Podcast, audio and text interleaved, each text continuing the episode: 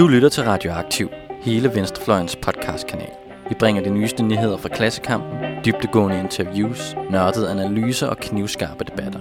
Hvis du kan lide, hvad du hører, så husk at følge os på SoundCloud eller din podcast-app, og du kan også smide et like på vores Facebook-side. Så læn dig tilbage, knap bukserne op og nyd en varm kop Rød Radio.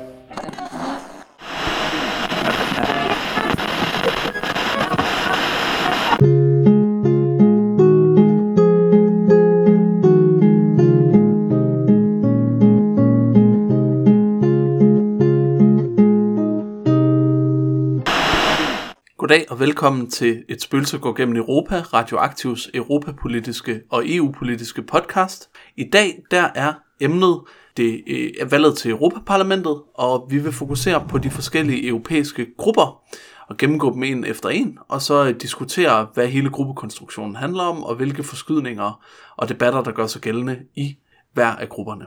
Det er noget, der ikke kommer så tit frem i den danske debat, selvom det måske hjælper lidt på det her på det sidste. Øh, jeg står her som altid sammen med Benjamin Bilde Bolsmann, som jeg har lavet studenterpolitik med. Benjamin han er gymnasielærer i Slagelse, hvor han underviser i historie og dansk, øh, og øh, derudover har han læst en kandidat i international historie, og så sidder han i landsledelsen i partiet SF. Og jeg står her sammen med Jakob Lindell Rugård, som jeg har læst litteraturhistorie og lavet studenterpolitik med. Derudover så er han hovedbestyrelsesmedlem og folketingskandidat for Enhedslisten, læser politisk kommunikation og ledelse på CBS, altid god til de store overordnede linjer, se hvor vi skal sætte ind, øh, og ansat i fagbevægelsen. Og Benjamin er altid god med en øh, skarp øh, sans for detaljen og en ufattelig viden om hele, øh, det, øh, hele Europa og hvad der sker i de store partier og de mærkeligste små selvstændighedspartier. Så det får vi nok også glæde af i dag. Når vi skal til at snakke om den her øh, gruppekonstruktion øh, og hele det her omkring, hvordan fungerer sådan øh, teknikken og de forskellige magtforhold i Europaparlamentet, så er det jo fordi, vi står lige over for et Europaparlamentsvalg. Og øh, der bliver afholdt her den 26. maj. Eller teknisk set den 23. til 26. maj i Europa, 26. maj i Danmark. Og vi plejer jo at sige i starten af vores udsendelser, at vi gerne vil sætte fokus på de sager, som bliver behandlet for lidt i de danske medier fra Europa og EU. Og øh, i forbindelse med, at der er blevet udskrevet folketingsvalg, der ligger hen over Europaparlamentsvalget, så kan man vist roligt sige, at der er en risiko for, at Europaparlamentsvalget bliver underprioriteret øh, i offentligheden og i partierne også. Så øh, i den sammenhæng så vil vi bare sige, at øh, det er også en af grundene til, at vi synes, det er rigtig vigtigt at sætte fokus på, hvordan fungerer det her Europaparlament i virkeligheden. Og der spiller øh, de forskellige grupper jo en stor rolle. Man kommer ned og er tilknyttet som parti øh, nogle forskellige europæiske grupper af partier, som øh, man ofte udvikler politik sammen med, som man stemmer sammen med, og som spiller nogle øh, vidt forskellige roller i Europaparlamentet. Og det er noget, der er ved at komme blevet lidt en del af den danske debat, men i lang tid har været fuldstændig i baggrunden. Og der kan nogle gange være nogle ret spændende overlap og, og modsætninger mellem det partier mener i Danmark, og det der de mener nede i deres europæiske grupper. Så derfor vil vi give det lidt ekstra opmærksomhed. Øh, og vi tager dem simpelthen øh, først øh, de to magtgrupper, eller hvad man kan sige, de gamle magtpartier plejer enhedslisten at sige om, øh, om Venstre og Socialdemokraterne. Og i Europa har vi også to magtgrupper. Og den ene, det er den, der hedder EPP, European People's Party. Ja, og øh, sådan øh, det europæiske folkeparti øh, skulle man jo forstå var sådan en, en, en politisk, hvad hedder det, sådan om, alt omfavnende forsamling, og det er det ikke. Det er, øh, det, det er den konservative gruppe, øh, som består af konservative partier fra hele Europa, meget forskellige artede konservative partier, men i høj grad domineret af de store konservative partier, gudisterne fra Frankrig, øh, CDU, CSU fra Tyskland, øh, og det er også her, vi finder Moderaterne fra Sverige, det er også her, vi finder det danske konservative folkeparti. Det er en gruppe, som har en øh, lang og stolt tradition for at være den største i Europaparlamentet. Det er en gruppe, der er vant til at bestemme rigtig meget af, hvad der skal foregå i Europaparlamentet. Øh, og så er det en gruppe, der som den eneste hidtil altid har haft en repræsentant fra hver eneste medlemsland. Og det betyder, at det er en gruppe, der bare har øh, politisk domineret politikken i Europa. Når man snakker om det her med, at EU-parlamentet og EU-systemet har sådan en borgerlig bias, så er det blandt andet fordi, at Europaparlamentet i så høj grad har været domineret af det her øh, parti, der nu hedder EPP, og tidligere havde et lidt længere navn, hvor der også var plads til at hedde noget med kristendemokrater. Men altså, det er her, vi finder øh, meget af øh, den sådan ikke traktatsfastsatte borgerlige bias i EU-systemet. Det er ved den magt, som EPP-gruppen har i Europaparlamentet. Ja, og så er det også værd at nævne, at øh, det er jo så selvfølgelig også en gruppe, fordi den er så stor øh, og så bred og rummer øh, hvad hedder det, konservative, kristne, kristendemokratiske partier fra så mange forskellige lande, at det er en gruppe, der er, er enormt øh, bred politisk også. Der er meget, meget stor øh, forskel fra den ene fløj til den anden fløj internt i EPP. Øh, og den måde, det tydeligst er kommet til udtryk på, på det sidste, det har simpelthen været i forholdet til Viktor Orbán, som jo er øh, hvad hedder det, premierminister i øh, Ungarn og formand for Fidesz, det ungarske konservative parti. Og øh, i den danske debat, der stod man nogle gange på, på, øh, på Viktor Orbán, fordi at han blev brugt som eksempel på sådan en meget højere radikal øh, kurs over for flygtningen. Øh, delvis samarbejde med sådan nogle øh, paramilitære militser og øh, fuldstændig øh, lukning af alle grænser.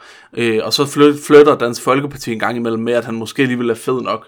Ja, han er jo sådan mest den sådan europæiske eksempel på det, man kunne kalde øh, illiberale demokratier. Altså man snakker meget om, at vi har liberale demokratier, hvor vi har retssikkerhed, vi har lighed for loven, vi har sådan grundlæggende ens rettigheder for alle. Det er sådan den liberale del af det, og så har vi demokratiet, hvor vi stemmer om magten, og hvor øh, Viktor Orbán sådan ret åbenlyst har gået ind for en model med øh, illiberalt demokrati. Altså at sige, vi er ikke lighed for loven. Altså romager, øh, flygtninge, sådan, øh, folk, der ikke bor i Ungarn, øh, de skal ikke føle sig, de er ikke lige med os andre, men vi har et demokrati, selvfølgelig kan man stemme mig væk, men jeg vil have lov, hvis jeg får flere stemmer, vil jeg have lov til at bestemme, hvem der skal sidde i højesteret.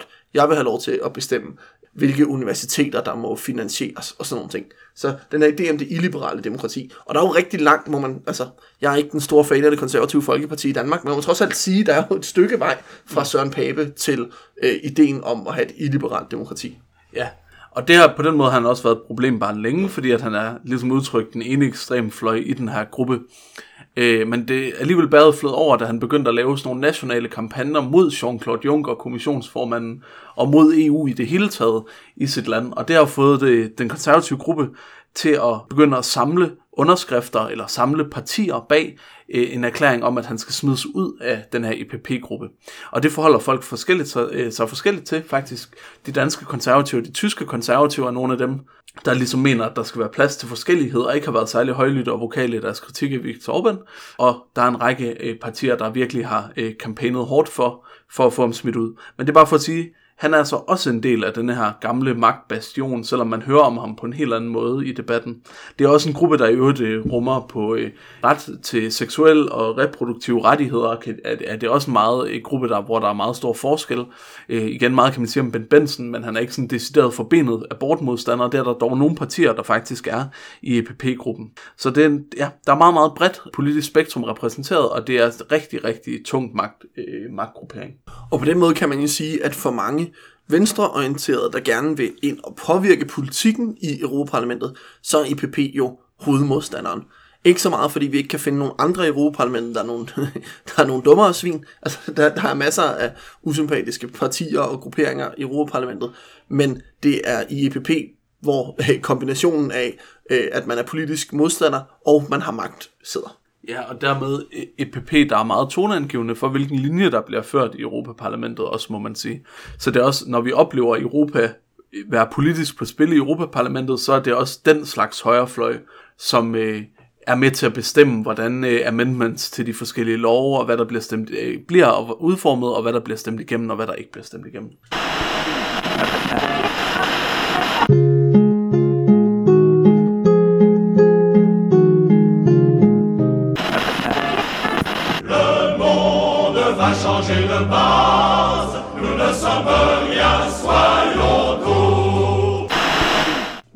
Det var øh, den første gruppe, den største gruppe, og lad os gå videre til en gruppe, der på mange måder minder rigtig meget om, men så alligevel trods alt er noget mere øh, sympatisk stemt over for set fra øh, et spøgelse gennem Europas synspunkt, nemlig gruppen, der er med det meget sympatiske navn, må man sige, Socialister og Demokrater, Socialists and Democrats, men som desværre ikke består af socialister og demokrater, men derimod af øh, socialdemokrater. Og det er jo trods alt lidt noget andet. Mm. Ja, og øhm, øh, hvad, SRD-gruppen har øh, består så af alle de gamle arbejderpartier og socialdemokratiske partier. Det danske socialdemokrati, øh, British Labour, indtil de ryger ud, øh, hvis Brexit går igennem, og så videre og så videre hele vejen ned igennem Europa. Det er simpelthen bare en gruppe af socialdemokrater de plejer, og øh, de er også et stort magtparti, den næststørste gruppe i Europaparlamentet, og indtil det her valg, der har de altid haft flertal sammen med EPP-gruppen i Europaparlamentet. Det vil sige, at øh, nogle gange har de selvfølgelig været uenige om nogle konkrete ting, men i rigtig mange tilfælde, der har de også sammen ligesom kunne nå kompromiset, klappe ting af, finde ud af nogenlunde, hvilken politisk konsensuslinje, der skulle køres gennem de to gamle magtgrupperinger. Det er så måske, det kan vi vende tilbage til, hvad ændrer sig nu, fordi det ligner, at både EPP-gruppen øh, kan være på vej til at gå tilbage, og det er de jo helt sikkert, øh, hvis de smider Viktor Orbáns parti ud, men også generelt kan de stå til en lille tilbagegang. SRD, øh, det ved vi jo fra nogle af de andre valg, vi også har dækket rundt omkring i Europa. Der er jo mange socialdemokratier, der bare ikke klarer sig særlig godt. Nogle nedsmelter fuldstændig, som vi har set det i blandt andet Grækenland. Øh, andre steder er det en mere moderat tilbagegang, men der er en tilbagegang lidt over hele linjen, så de står faktisk også til at blive decimeret. Så det kan være, at den her gamle søjle midt i Europaparlamentet ligesom er ved at erodere, og der kommer øh, øh, plads til nogle nye kræfter.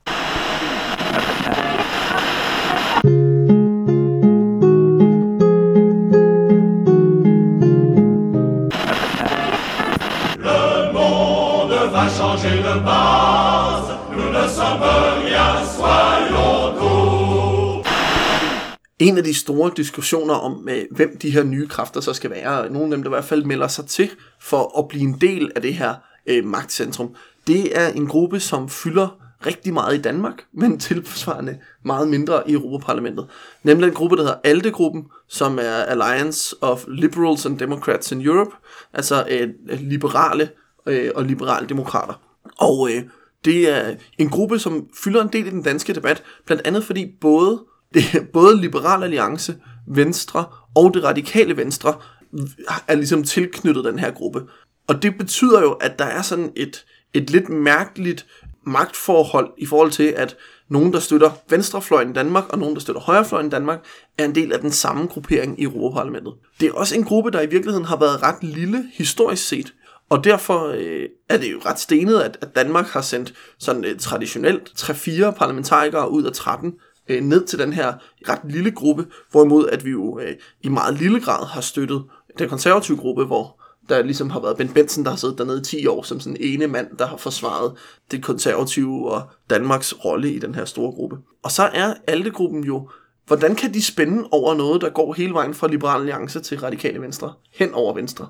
Jamen, det, en ting, altså det er også vanskeligt, og en ting, der er en interessant, er, at der ser vi virkelig, at der er stor forskel på den nationale politiske kontekst, og så hvordan gruppen agerer. Fordi det er øh, en meget øh, Øh, liberalistisk gruppe, altså meget øh, ultraliberalistisk økonomisk politik, så passer på den måde øh, i hvert fald godt til Radikale Venstre og Liberale Alliance, og her lige efter et velfærdsløfte fra Lars Lykke, måske knap så godt til Venstre.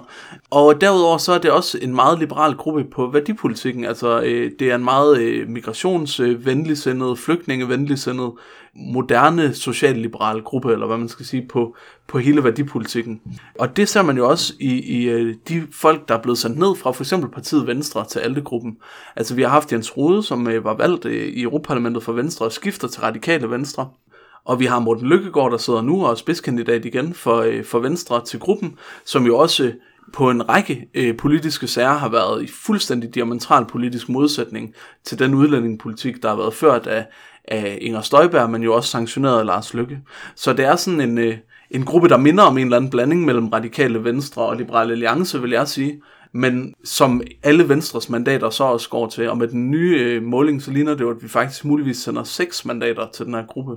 Ja, for der er en chance for, at hverken konservative eller liberal alliance får valgt nogen til Europaparlamentet, og de ligesom giver via valgforbund deres stemmer til Venstre, sådan så Venstre får fire mandater, og så bliver Alternativet heller ikke valgt, og de giver så via valgforbundet deres stemmer til, til, til det radikale Venstre, og på den måde så kan øh, stemmer, der ellers vil placere sig i den konservative gruppe i PP, og i den grønne gruppe, vi kommer tilbage til, alle sammen gå til ALDE-gruppen og øh, sådan superliberalisterne i, øh, i ALDE. Og det er, jo, det er jo sådan ret, hvad kan jeg sige, det er irriterende for venstrefløjen, og det er irriterende for Øh, de af os, der gerne vil have en dansker repræsenteret i den største og måske vigtigste gruppe i PP.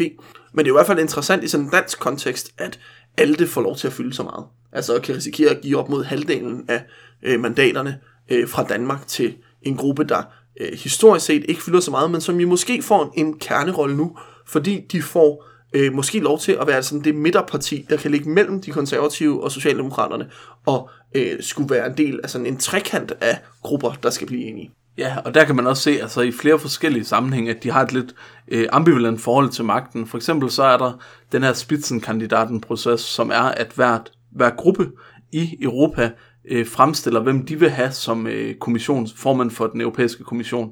Og det er jo ikke en, der sådan, øh, hvad skal man sige, juridisk og vedtægtsmæssigt har bund i virkeligheden, fordi det er øh, staterne, der forhandler om, hvem der skal være kommissionsformand, og sådan er det stadigvæk. Men alligevel så kan det jo påvirke noget, hvis staterne er jo trods alt præget også lidt af de partier, der udgør grupperne. Så hvis der er nogle tilpas store og magtfulde grupper, der er bag øh, nogle bestemte, en bestemt kommissionsformandskandidat, så kan det jo også være, at det er ham, der bliver forhandlet, øh, eller man ender med at forhandle sig frem til.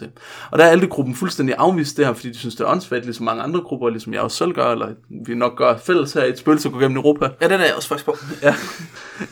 Men de har alligevel fremsagt lagt sådan et katalog af kandidater, fordi så støtter de ikke helt spidsenkandidatprocessen, men de melder sig alligevel ind med en række kandidater på banen, og det har været meget opsigtsvækkende her i den danske debat, fordi at det er, Margrethe Vestager har været en af de her kandidater, øh, som Altegruppen har, har stillet. Så det kan også være igen et tegn på, udover at vi så går i lidt i hystade mode her i Danmark, omkring at det er en dansker, der er en af de har mange kandidater på listen, men også at alle ligesom prøver at indordne sig under de spilleregler, som SRD og EPP agerer under, for at tilnærme sig en situation, hvor de ligesom får del i magten. Ja, der kan man sige, der er sådan en, en alte kandidat, der har, øh, som Margrethe Vestager, som vi jo tidligere har lavet et program om, altså som har både siddet i regeringen med Socialdemokrater og øh, på mange måder jo har ført en politisk linje, som måske har været tættere på de konservative end på alt det selv i forhold til sådan noget med monopolnedbrud og hvad skal vi gøre ved de store tech-giganter og sådan, altså mere sådan traditionelt konservativ linje med sådan samfundshensyn i forhold til øh, sådan profitmaksimering. At der kunne hun måske være en kandidat, man kunne, man kunne skabe et kompromis omkring, snarere end hun er sådan en idealistisk kandidat fra Alte, som, øh, som de selv drømmer rigtig højt om. Så det, det er interessant. Og det bliver rigtig spændende at se, fordi der er ingen tvivl om, i forhold til alle prognoser, at EPP, øh, SD-gruppen øh, og ALDE til sammen kommer til at kunne have et flertal og have kontrollen over Europaparlamentet. Så det bliver spændende at se, om ALDE får mødet sig ind. Det er jo så fordi, at der skulle være så stor en fælles mængde, altså en fælles vilje på tværs af ret store politiske uenigheder, for at holde nogle andre og mere vanvittige barbarer ude af det politiske spil i Europaparlamentet det er jo set som et fløjgruppe, kan være et ret stort problem. Det er ikke fordi, det sådan ændrer status quo sønderligt, men det konsoliderer, selvom at de politiske vinde rundt omkring i Europa er i skred, så kan vi få en situation, hvor magtpartierne ligesom tager et andet, også relativt magtorienteret gruppering ind, og så konsoliderer en situation, hvor der alligevel ikke sker nogen politisk udvikling.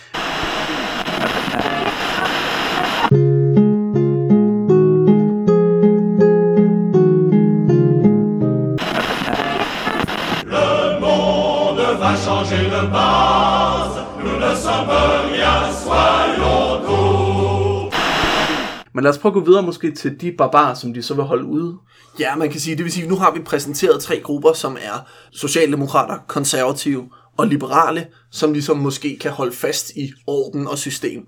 Og nu er der så, ja, som du siger, de grupper, de vil holde ude, dem, der stikker udenfor. Og der er den første gruppe jo en gruppe, som i navn og i øh, indhold jo i virkeligheden også er konservativ, men bare nogle konservative, der er så sure på de andre konservative, at de har lavet deres egen konservative gruppe, nemlig de britiske konservative, European Conservatives and Reformists, ECR-gruppen, øh, som er sådan en gruppe af parlamentarikere, der vil, som er højreorienteret, E som er mere EU-kritiske end EPP-gruppen, som er, og det skal ikke være en hemmelighed, både EPP, SRD og ALDE er alle sammen jubel-europæere med øh, stort J og stort E.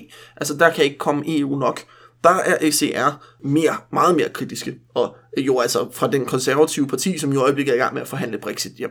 Ja, udover konservative, så er det gruppen, der består af øh, Lovretfærdighedspartiet, i Polen, som jo også i en dansk kontekst øh, typisk bliver nævnt lidt i samme åndedræt som Viktor Orbán, altså som sådan et højrepopulistisk, et af, et af de øh, partier i den der højrepopulistiske familie, som vinder frem i store dele af Europa, og som har haft øh, store, øh, der har været gigantiske abortprotester for eksempel, fordi at man har ville øh, rulle retten til abort øh, tilbage i Polen. Og så er det også værd at nævne bare lige, at den familie også rummer øh, det nye parti i Spanien, der hedder Vox, øh, som øh, fik et ret fremragende valg her øh, ved det spanske valg, der lige har netop har været overstået, fik 10% af stemmerne cirka.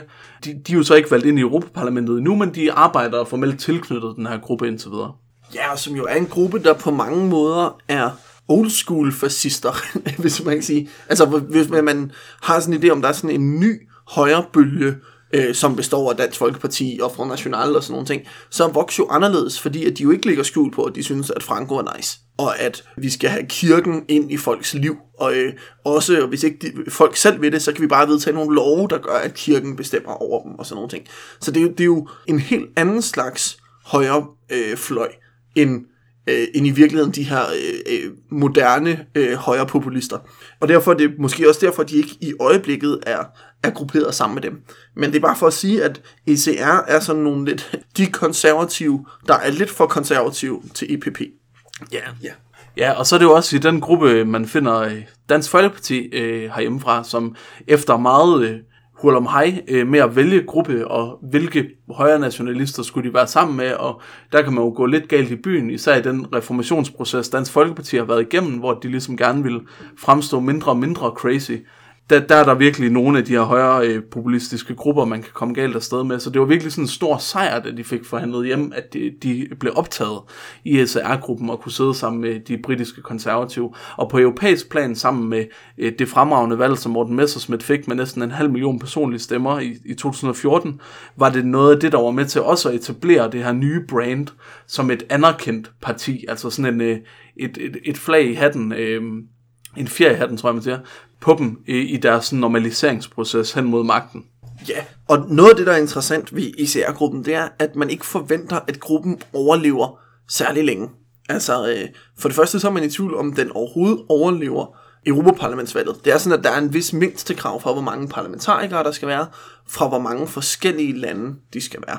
Og der er noget, der tyder på, at ICR-gruppen måske kunne gå hen og, øh, og visne bort efter valget, og jo i hvert fald visne bort efter Brexit. Altså når de øh, britiske konservative træder ud, Dansk Folkeparti forlader dem, flere af de, øh, sandfinderne øh, forlader dem fra Finland, altså flere af de her grupper øh, træder ud, at så vil der ikke være øh, så, vil, så vil gruppen simpelthen forsvinde, og så vil de mennesker, der er der, de partier, der er der, vil så skulle vælge, om de skal træde over til sådan øh, højrepopulistgruppen, eller tilbage til EPP, hvor mange af dem kommer fra. Og det bringer os jo videre til det, der i dag er øh, to-tre forskellige grupper, men som formentlig efter Europaparlamentsvalget bliver en gruppe. I dag kender vi dem som øh, EFDD og ENF, som er sådan nogle forkortelser for, øh, for øh, jeg tror det er sådan noget med Freedom and Democracy og øh, National Freedom og sådan nogle ting, altså, som er partier, der dækker over øh, højre populistiske grupper, som ikke kan blive enige nok til at sidde i samme gruppe. Men der er ligesom sket en samling, kan man sige, af øh, højrepopulisterne i Europaparlamentet. Ja, eller der er i hvert fald anslag til det nu, fordi der var her under i løbet af foråret, lancerede man en ny gruppe, som hed EAPN, øh, European Alliance of People and Nations, som øh, bestod af Dansk Folkeparti og øh, de sande finder, eller det finske, ja, de sande finder fra, øh, som er det højnationalistiske parti i Finland, La Lega, som er jo regeringspartiet og det højnationalistiske parti fra Italien, som vi også har dækket i vores Italien-udsendelse tidligere, og Alternative für Deutschland, øh, som er også det her nye store højnationalistiske parti i Tyskland. Og under Salvinis ledelse og sådan lederskab fik man så samlet dem til et møde i, øh, Italien, hvor at øh, de stiftede sig som ny gruppe, eller med henblik på at blive en ny gruppe efter det Europaparlamentsvalg, vi skal til lige om lidt. Og det ligner, at det er en gruppe, der måske har potentiale til faktisk at fagne og samle alle de her højrepopulistiske kræfter, som vi ser i hele Europa. I hvert fald så har de øh, nogle af de meget store og etablerede partier som udgangspunkt for det. Og samtidig så hører vi også fra sådan noget som Vox fra Spanien har udtalt tidligere deres leder, at han meget gerne vil tilslutte sig en Salvini-ledet øh, gruppering eller koalition i Europaparlamentet. Ja, det har han jo en helt konkret mulighed for nu, kan man sige. Så det ligner, at, man, at der egentlig hele tiden har været en plan for at bygge det ene efter det andet parti på de her fire stiftende partier, og så få en egentlig højre nationalistisk blok i Europa. Ja, og den første sådan skat, de fik i den sammenhæng, det var øh, franske Front National, altså øh, Le Pens parti, som meldte ud, at øh, at de var med. Altså som efter stiftelsen, og de var i gang sagde, vi er altså med på det her projekt. Så det er de store øh, partier, der er friske, der er med, og det bliver spændende at se, hvordan, øh, hvordan det lander. Ja, Og man kan også sige, at øh, det er jo nogle øh, partier, som sikkert kan blive øh, uenige om mange ting. Deres forhold til euroen. En meget interessant ting kunne være deres forhold til Rusland, hvor for eksempel sandfinderne, det finske højre nationalistiske parti, de kan slet ikke lide Rusland særlig godt, øh, af historiske grund blandt andet. Og øh, hvad hedder det, Salvini til gengæld har et meget positivt øh, forhold til Putin og øh, Putins Rusland. Men det de nok er blevet enige om til dels, det er også at prøve at føre en, eller lave en gruppering med henblik på at få en højere grad af indflydelse, fordi det er jo en gruppe, altså ideologisk set, så har de jo hele tiden ligget ret tæt op af hinanden i deres flygtningeskepsis, i deres nationalisme, i deres euroskepsis, men de har været spredt på tre, fire grupper i Europa, og dermed haft meget, meget svært ved at gøre deres indflydelse gældende, og de små højre nationalistiske grupper, der har været i forvejen, er sådan nogen, hvis man hører øh, ikke hører sand marxistisk europapolitisk dækning, som vi laver her, men hører den sådan mere mainstream europapolitiske dækning, så kan man lære, at, at det er altså nogen, der ikke får indført et komma i et eneste lovforslag, eller får deres indflydelse gjort gældende på noget som helst område. Men hvis man kan lykkes med at samle dem i en gruppering, så bliver det lige pludselig en af Europas ret store grupper faktisk. Og så kan det være, at de på en eller anden måde nu, når balancen fra Socialdemokraterne, SOD-gruppen og de konservative EPP-gruppen måske også, at de mister deres majoritet, kan være med til at shake establishment en lille smule mere. Ja, og så er det jo også bare en mulighed for at påvirke debatten i Europa, tænker jeg, som egentlig fylder ret meget. Altså det her med, at hvorfor skal vi tage nogen alvorligt, som ikke rigtig præs- repræsenterer nogen i Europaparlamentet, som ikke fylder særlig meget, som ikke kan blive enige med sig selv. Det øjeblik, de begynder at kunne tale med klare stemmer, være større, være mere magtfulde og stille øh, troværdige kandidater frem til valg og sådan nogle ting, så, øh, så bliver det lige pludselig... Øh, noget, vi skal tage øh, alvorligt. Det har vi gjort på national plan længe. Altså, der er jo ikke nogen i Danmark, der var tvivl om, at Dansk Folkeparti er et rigtigt parti, man skal tage alvorligt. Men på europæisk plan har de jo faktisk været lidt ligegyldige. Og det er der noget, der tyder på, at de ikke kan blive ved med at være. Og der er også den tendens, at på det europæiske niveau, som vi vendte lidt, da vi snakker om ALDE, men det gør sig egentlig gældende på i de fleste af de gamle grupper, også SOD og EPP, at man fører en, en mere... Øh, øh, hvad skal man sige, flygtning- og migrationsvenlig politik, eller man har i hvert fald mere flygtning- og migrationsvenligt sindelag i øh, eliterne i de her grupper. Så, så det er også, øh, altså, man, der er virkelig sådan, øh, jeg tror, der er en stor politisk afsky øh, over for øh, de højre nationalistiske tendenser, øh, som man virkelig gør, vil gøre alt, hvad man kan for at holde udenfor. Og øh, nu har de så organiseret sig i den her gruppe for ligesom at gøre deres stemme gældende. Øh, og øh, det er nok lige værd at få nævnt også, at det er jo ikke nogen øh, EU-modstanderpartier faktisk. De har lavet sådan en fælles grundlag, og det er også det, de hedder European Alliance of People and Nations. Altså de siger, at det er nationernes og folkenes Europa, som de ønsker. Så det er altså et Europa, hvor den europæiske integration, der skal ikke være mere af den, den fylder for meget, man skal måske rulle noget af det tilbage, EU skal blande sig uden om nogle af de ting, de har fingrene for langt ned i. Lidt uklart nogle gange, hvad det er, men lidt mindre Europa, men man ønsker altså et europæisk medlemskab for sit land, og man er ikke for øh, udmeldelse.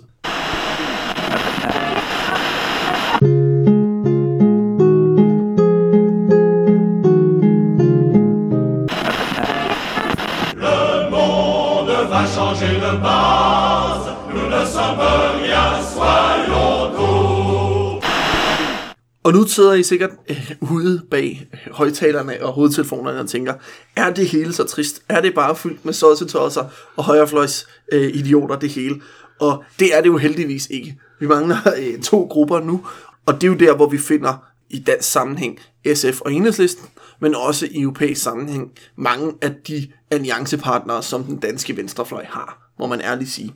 Og den første af de grupper, og det er, øh, det er den gruppe, der hedder øh, European Greens, øh, som sidder i sådan et samarbejde med den gruppe, der hedder European Free Alliance. Så hvis man sådan slår dem op, så er de tit Greens slash EFA. Og det er sådan en sammenslutning af grønne partier og selvstændighedspartier.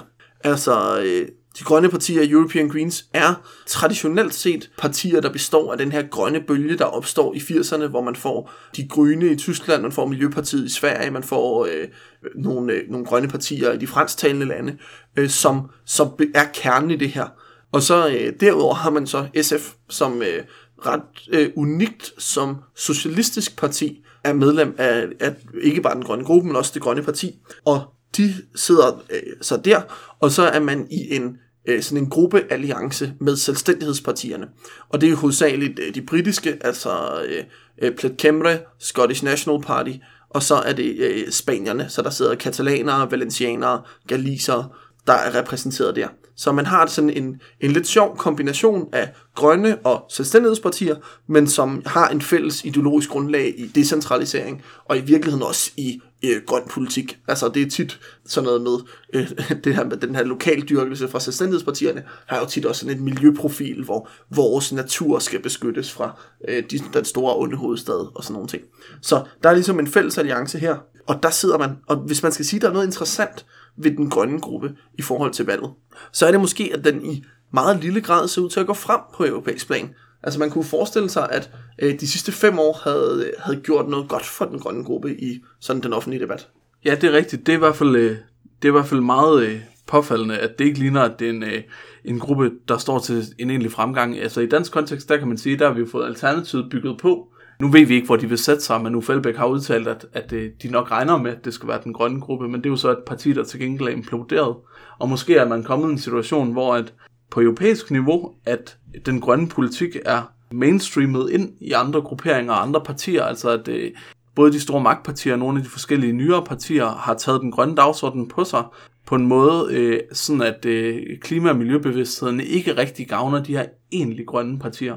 Det er også påfaldende, at vi står i en øh, konkret dansk folketingsvalgkamp nu, hvor klimaet fylder mere end nogensinde noget i, i vælgernes bevidsthed, og alternativet bare står til at gå tilbage og tilbage og tilbage, for eksempel.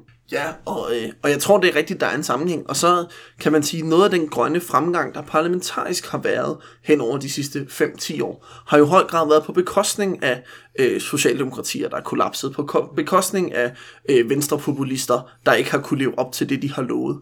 Og der har, øh, der har nogle af de grønne partier, for eksempel sådan nogle steder som Holland, Belgien, øh, gået ind og fået samlet en masse stemmer op til en vis del også Tyskland, hvor de grønne jo står, øh, har stået rigtig fint i meningsmålinger og øh, i øh, Bundesvalg.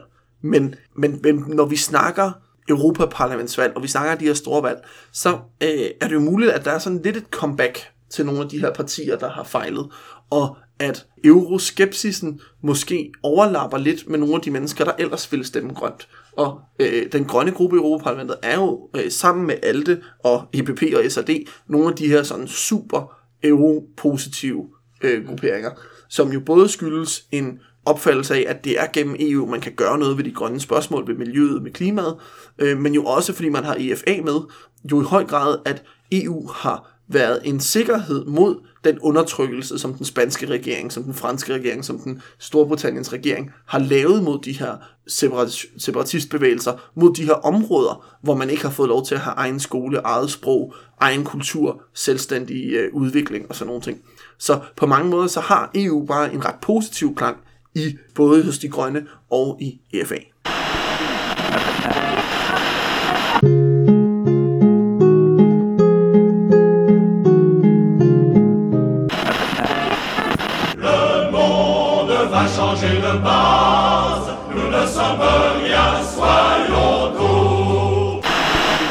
Så er vi kommet til den sidste gruppe, som er GUE NGL, som den hedder. Det står for, hvad hedder det, United European Left, Nordic Green Left. Og der er måske nogen, der vil lure, at øh, GUE ikke siger United European Left. Og det er fordi, det er på fransk. Det er øh, Gauche øh, Union Européenne, Ja. og så Nordic Green Left. Præcis. Og det er en gruppe, der ligesom har, ja, er en, en sjov blanding af nogle masse gamle kommunistpartier, og så i den her nye generation af venstrefløjspartier, som vi også har dækket, som jo blandt andet øh, er i Enhedslisten og øh, Podemos og øh, Syriza og sådan nogle. Der er lige nu faktisk, ja, så det er en gruppe, der består både øh, kommunister og nye venstrefløjspartier.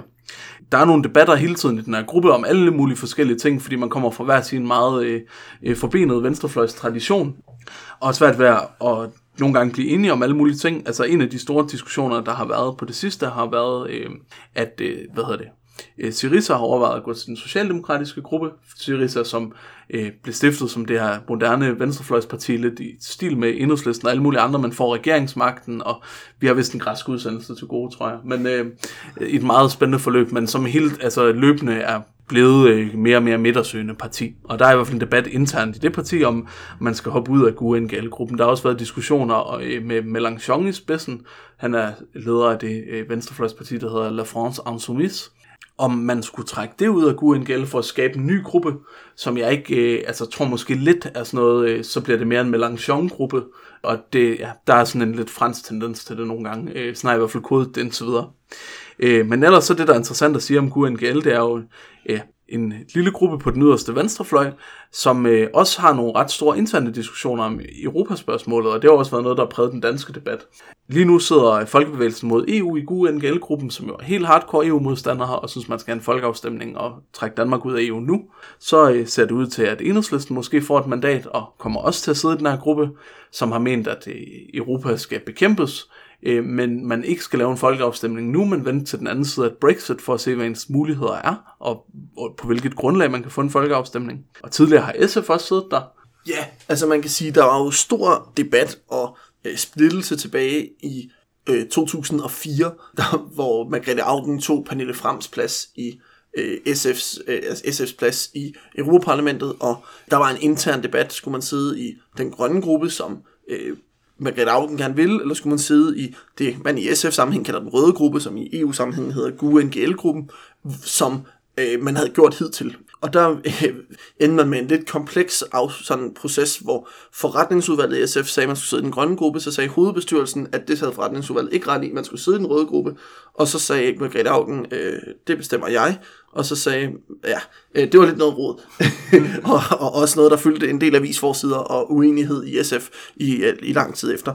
Men det vil sige, der er en tradition for, at man spænder i gamle dage i 80'erne, der hed gruppen Communists and Friends, og hvor SF klart var en af vinderne. Altså, mm. man spænder fra sådan en SF-position, Syriza-position, og så helt ud til øh, de mærkeligste stalinister, og til Folkebevægelsen mod EU, som jo ikke er, er mærkelige stalinister, men som ligesom er en anden gruppering inden for det her.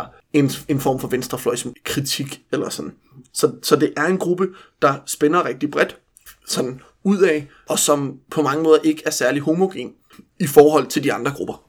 Og der kommer, det, altså det kan også være en gruppe, hvis man er venstreorienteret, som både i de forhandlinger, der skal være faktisk efter det Europaparlamentsvalg, men også bare i den næste Europaparlamentsperiode, kan være værd at holde øje med, fordi der kunne sagtens begynde at komme et lidt et retningsskift eller nogle opgør her, både har, øh, altså enhedslisten har jo været et af de eneste partier i den familie, der har været helt hardcore EU-modstandere i lang tid. Der er så flere og flere, der faktisk bliver mere EU-modstandere, altså sådan i højere grad kommer til at stå på en konsekvent EU-modstander-linje i gruppen. Øh, men derudover så kommer der også til at være den her spændvidde efterhånden som Podemos og enhedslisten og den her slags øh, Bloco øh, de Esquerda for Portugal og den her slags partier vokser så større og større, at der kommer til at være en eller anden spænding mellem dem og så de her gamle, gamle kommunistpartier, som har været vant til at sidde ret tungt på magt magten i den øh, venstreorienterede del af Europa, men som kulturelt og politisk og på alle mulige måder alligevel ikke passer så godt sammen. Ja, og i den sammenhæng, så er det jo interessant, at man kan sige, den udvikling, som man kunne have forventet, at den moderne venstrefløj ligesom havde overhalet øh, de mærkelige gamle kommunister, at, at, at den blev ligesom modarbejdet af østudvidelsen. Altså, at, at hvis ikke det havde været for øh, inklusionen af Østeuropa i EU, så havde den moderne venstrefløj overhalet, overhalet den gamle venstrefløj øh, i løbet af 90'erne uden problemer. Men med østudvidelsen, så kom de gamle mærkelige tjekkiske kommunister, de mærkelige polske kommunister, de mærkelige ungarske kommunister, kom ind og fik lov til at, at, at tage nogle ekstra mandater, de så kunne bruge sammen med øh, de mærkelige franske kommunister og øh, så videre og så videre. Så det er sådan lidt en... Øh, en, en gruppe, hvor der har fået lov til at overleve sig selv med lidt kunstigt åndedræt. Altså øh, Stalinfløjen, eller hvad man nu vil kalde dem. Og jeg ved godt, de ikke alle sammen er stalinister, men altså sådan den, den traditionelle øh, DKP-fløj, om man så må sige. Og hvor der nu er ved at ske sådan et vagtskifte. Og det er interessant at se, hvordan det kommer til at, øh, at spænde af. Det er jeg helt enig i.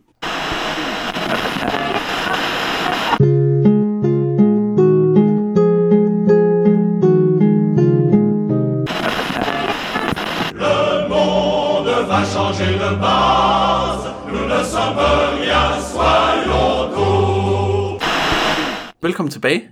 Vi zoomer blikket ind på øh, den danske andedam et kort sekund for at snakke om, hvordan øh, er situationen så i Europaparlamentsvalget herhjemme nu, øh, og hvordan ser nogle af de nyeste meningsmålinger, som vi har modtaget ud, og øh, ja, hvilke partier står til at komme ind og ikke komme ind. Man kan sige måske lige til at starte med, at øh, det er jo et dansk Europaparlamentsvalg, der er præget af nok i hvert fald to forskellige sådan overordnede omstændigheder. Et, at det ligger oven i et folketingsvalg, som Benjamin også sagde i starten, og det betyder, at den europapolitiske debat nok ikke den ude i forsamlingshusene og sådan noget, men den i massemedierne og på sociale medier og sådan noget, den er kørt helt, hvad hedder det, den er kørt helt bag om dansen, og det er simpelthen folketingsdagsordenen, der fylder næsten det hele. Og den anden ting, og det kom en ret interessant ansøgningsmåling for et par måneder siden, men det var øh, name recognition af øh, spidskandidaterne fra de forskellige partier og den er historisk lav. Altså folk kender simpelthen ikke de folk, der stiller op for de, øh, for de danske partier. Det plejer jo tit at være sådan nogen, der øh, måske har været gamle statsministre, eller andre sådan store kandidater. Morten Messerschmidt var jo en helt vild stemmesluger, som fik øh, flere personlige stemmer, end Socialdemokraterne fik stemmer overhovedet ved Europaparlamentsvalget 2014. Og den slags kandidat er simpelthen ikke til stede nu. Så øh, dem, der øh, den mest kendte er Margrethe Augen, og det er også hende flest forbinder med noget positivt, hvor der er 15%, der forbinder hende med noget positivt. Og så har vi dem ellers fra 15 og ned til halvanden procent i den måling. Øh, ja, så der er ikke så meget europapolitisk dagsorden herhjemme mere, og øh, folk kender simpelthen ikke kandidaterne. Det, det er den strukturelle omstændighed om valget. Ja, og det er jo et rigtig godt udgangspunkt for et oplyst demokratisk valg. Vi skal måske også lige afklare, hvordan er det, det ser ud i dag med placeringerne i parlamentet. Og det er sådan, i dag, der har, øh, der har Danmark øh, 13 pladser i Europaparlamentet, hvor øh, Dansk Folkeparti øh, fra starten af har siddet på fire af dem. Så er der en, der er trådt ud, så nu har Dansk Folkeparti tre pladser. Det har Socialdemokraterne også. Venstre har to, og så er der en plads til SF, Konservativ Folkeparti, Folkebevægelsen, De Radikale Venstre, og så øh, DF's løsgænger. Og øh, der er den nyeste meningsmåling, der kom ud øh, i går, som vi optager, altså øh, den øh, 9. maj. Den ser jo noget anderledes ud. Der går vi jo tilbage til sådan en klassisk model med to store danske partier. Der har vi øh, Socialdemokraterne og Venstre, der hver hiver øh, fire pladser ud af nu 14 pladser. Der er sådan en, øh, en teknik med, at øh, Storbritannien træder ud af EU, så vi får 14 pladser, men det gør de så ikke alligevel, så vi får 13 pladser, og når Storbritannien så træder ud af EU, får vi den 14. plads. Så der er en kamp om 14 pladser, men der er også en kamp om, hvem der får de 13, der faktisk er pladser i Europaparlamentet nu. Ja, fordi at hvis det der Brexit går i vasken, eller der sker et eller andet så er det 14 mandat simpelthen usikkert. Så man kan sige, hvis ens eneste hensyn er PR, så skal man gå efter at være den, der får det første eller det 14. mandat måske, fordi der vil nok blive diskuteret og talt meget om det. Men, øh, men hvis man vil være sikker på en placering, så skal man selvfølgelig have det de første 13. Men ja, vi får simpelthen lidt en, øh, en underlig omvæltning, der er sådan tilbage til establishment, eller hvad man kan sige. Øh, fire mandater til Socialdemokraterne, ifølge den nyeste måling, fire mandater til Venstre. Og det er jo en lille fremgang til dem begge to, kan man sige. Øh, men derudover så står Dansk Folkeparti som noget meget markant til at blive fuldstændig slagtet. De har stået i nogle målinger til to mandater, men står i den her nyeste måling simpelthen til, til et mandat, og går der med fra fire til et mandat. Ja, og det de lider rigtig meget under, det er ikke at være med i nogen valgforbund. Øh, for det er sådan, at ligesom til kommunalvalg og regionsvalg, så kan man også til Europaparlamentsvalg lave valgforbund. Og den nuværende regering, der består af Venstre, Konservative og Liberal Alliance, de har et fælles valgforbund, som i forhold til den nyeste meningsmåling og i forhold til flere andre meningsmålinger, betyder, at Venstre suger to tredjedel mandat, både fra Konservative og øh, i hvert fald et tredjedel mandat fra øh, Liberal Alliance til at få et, et, gratis ekstra mandat, kan man sige. Og på samme måde så hiver Socialdemokraterne, måske hvis der er lidt ekstra stemmer fra SF, så bliver de hivet over i Socialdemokraterne, så øh, får DF skal nok tjene sådan halvandet mandat hjem, men ikke to. Og det, det koster dem rigtig hårdt. Øh, en anden, der virkelig får gavn af, af valgforbundet, det er jo det radikale venstre, der ligger og svinger mellem, de skal have et eller to mandater, øh, efter at de for to perioder var helt ude af Europaparlamentet, eller for to perioder siden. Øh, og der må man sige, der er det alternativet, der får ære med gratis mandat. Og det kan godt være lidt frustrerende som et parti, øh, SF, der sidder i den grønne gruppe, hvor Alternativet gerne vil ned, og gerne vil være valgforbundet med Alternativet, og så se, at øh, øh Alternativet øh, smider, øh, smider et gratis mandat til øh, det radikale venstre og den neoliberale ALDE-gruppe i parlamentet. Det er der er ikke meget progressiv venstrefløj i. Nej, og der kan man sige, at der er jo flere forskellige hensyn, hvor man skal lægge sig. Altså Alternativet står i alle målinger til at få et ret dårligt valg, men dog stemmer nok til, at de kan booste, ligesom via deres valgforbund, det radikale venstre. Og der har det vel været en konkret afvejning om, om de skulle følge deres Europa-ideologi. De stiller op i noget, der hedder European Spring, øh, sammen med en række øh, ret mystiske partier, øh, selv Benjamin, som jeg plejer at rose i starten af udsendelsen, for at kende alle kende øh, partier og bevægelser rundt omkring i hele Europa, øh, ringede mange af dem ikke lige en klokke, og øh, det er også det her DM25-netværk, som har været ret debatskabende, fordi den tidligere græske finansminister Yanis Varoufakis, han har været i spidsen for det. Slavoj Zizek er også tilknyttet, og Julian Assange, og så Rasmus Nordqvist fra Alternativet. Så det er sådan en lidt syret gruppe mennesker, hvor mange af dem ikke stiller op til det her valg. Så det er en rigtig stor gruppe partier, hvor ingen af dem rigtig står til valg, og derfor er de lidt politisk hjemløse. Og det er så deres grønne ideologi, der skal være styrende for, hvor de lægger sig på, øh, altså helt konkret i hvilken gruppe de vil tilslutte sig, hvilket valgforbund de laver, eller skal det være ellers meget pro-EU-ideologi. Og der har de så valgt den sidste, men som betyder, at altså noget, der i dansk, øh, hvis man ser på deres valgafgivelse i Folketinget, øh, for eksempel ligger på den yderste venstrefløj, kommer til at levere stemmer til en øh, meget neoliberal, øh, helt vildt EU-begejstret øh, gruppering i øh, Europaparlamentet. Ja, og det vi så har tilbage at snakke lidt om, det er jo så Folkebevægelsen mod EU og Enhedslisten. Og der er jo en stor debat øh, i Enhedslisten, og det er ifølgende øh, neglebiden i Folkebevægelsen mod EU, da Enhedslisten valgte at stille op til Europaparlamentet. Det har de jo ikke gjort før, har, har som medlemmer af Folkebevægelsen bakket op om dem, Øh, og da enhedslisten stillede op, snakkede om, at de ville stjæle mandatet, og at der ikke var plads til dem begge to. Men der er meget, der tyder på i meningsmålingerne, at, at det i hvert fald er en mulighed, at de hiver begge mandater. I den meningsmåling, der er fra øh, den 9. 5. hos Megafon, der er det... Øh, der, der er der fint plads til mandat til begge to, og det er heller ikke engang sådan, at det så er Folkebevægelsen eller enhedslisten, der sidder på, på det 14. mandat, altså det usikre mandat, det er i den her tilfælde Venstre, øh, og i andre målinger har det været de radikales andet, og i andre målinger igen har det været, øh, hvis konservativ havde et, eller øh, sådan nogle ting. Så altså det her med, at der faktisk er en mulighed for, at de begge to kan hive et mandat, det er en, øh, det er øh, måske lidt en overraskelse for mange mennesker, øh, men også, kan man sige, ud fra et venstrefløjsperspektiv, øh, ret positivt, synes jeg. Altså, øh, jeg, øh, det skal jo ikke være nogen hemmelighed, at jeg har tidligere lavet en del folkebevægelsen arbejde, og er øh, medlem af SF, og øh, har en vis sympati for enhedslisten til europapolitik, og vi synes, det var rigtig fint, hvis alle tre blev repræsenteret fra Danmark i Europaparlamentet. Og det er sådan meningsmålingen ser ud nu, og det synes jeg er en ret lækker udvikling, kan man sige. Og der er jo allerede øh, stadig noget at flytte, kan man sige, fordi i nogle målinger har det også været Folkebevægelsen, der sad på det 14. yderste mandat, og i denne her måling, der er Folkebevægelsen, det, det plejer at være sådan, at enhedslisten har været lidt større i de målinger, der har været til EP-valget, men i denne her, der er Folkebevægelsen faktisk lidt større end enhedslisten, så der er det enhedslisten, der må sidde på det 13. mandat, øh, muligvis, altså det næste yderste mandat. Og det betyder bare, at når man er ude også og diskuterer, hvis man gerne ønsker en stærk venstrefløj repræsenteret, så husk at prøve at dirigere vælgere og få debatten til også at dreje sig om europapolitikken og dirigere vælgere mod enhedslisten eller folkebevægelsen, sådan så vi sikrer, at alle de her tre partier kan blive repræsenteret. Hvad hedder det? Øh, ja, altså SF står til nogle ret solide mandater, og det er derfor, jeg ikke nævner dem, udover at jeg selvfølgelig også europapolitisk ikke ligger der selv. Men jeg er enig med dig i, at det ville være stærkt at få øh, de tre venstreorienterede partier øh, repræsenteret øh, i Europaparlamentet.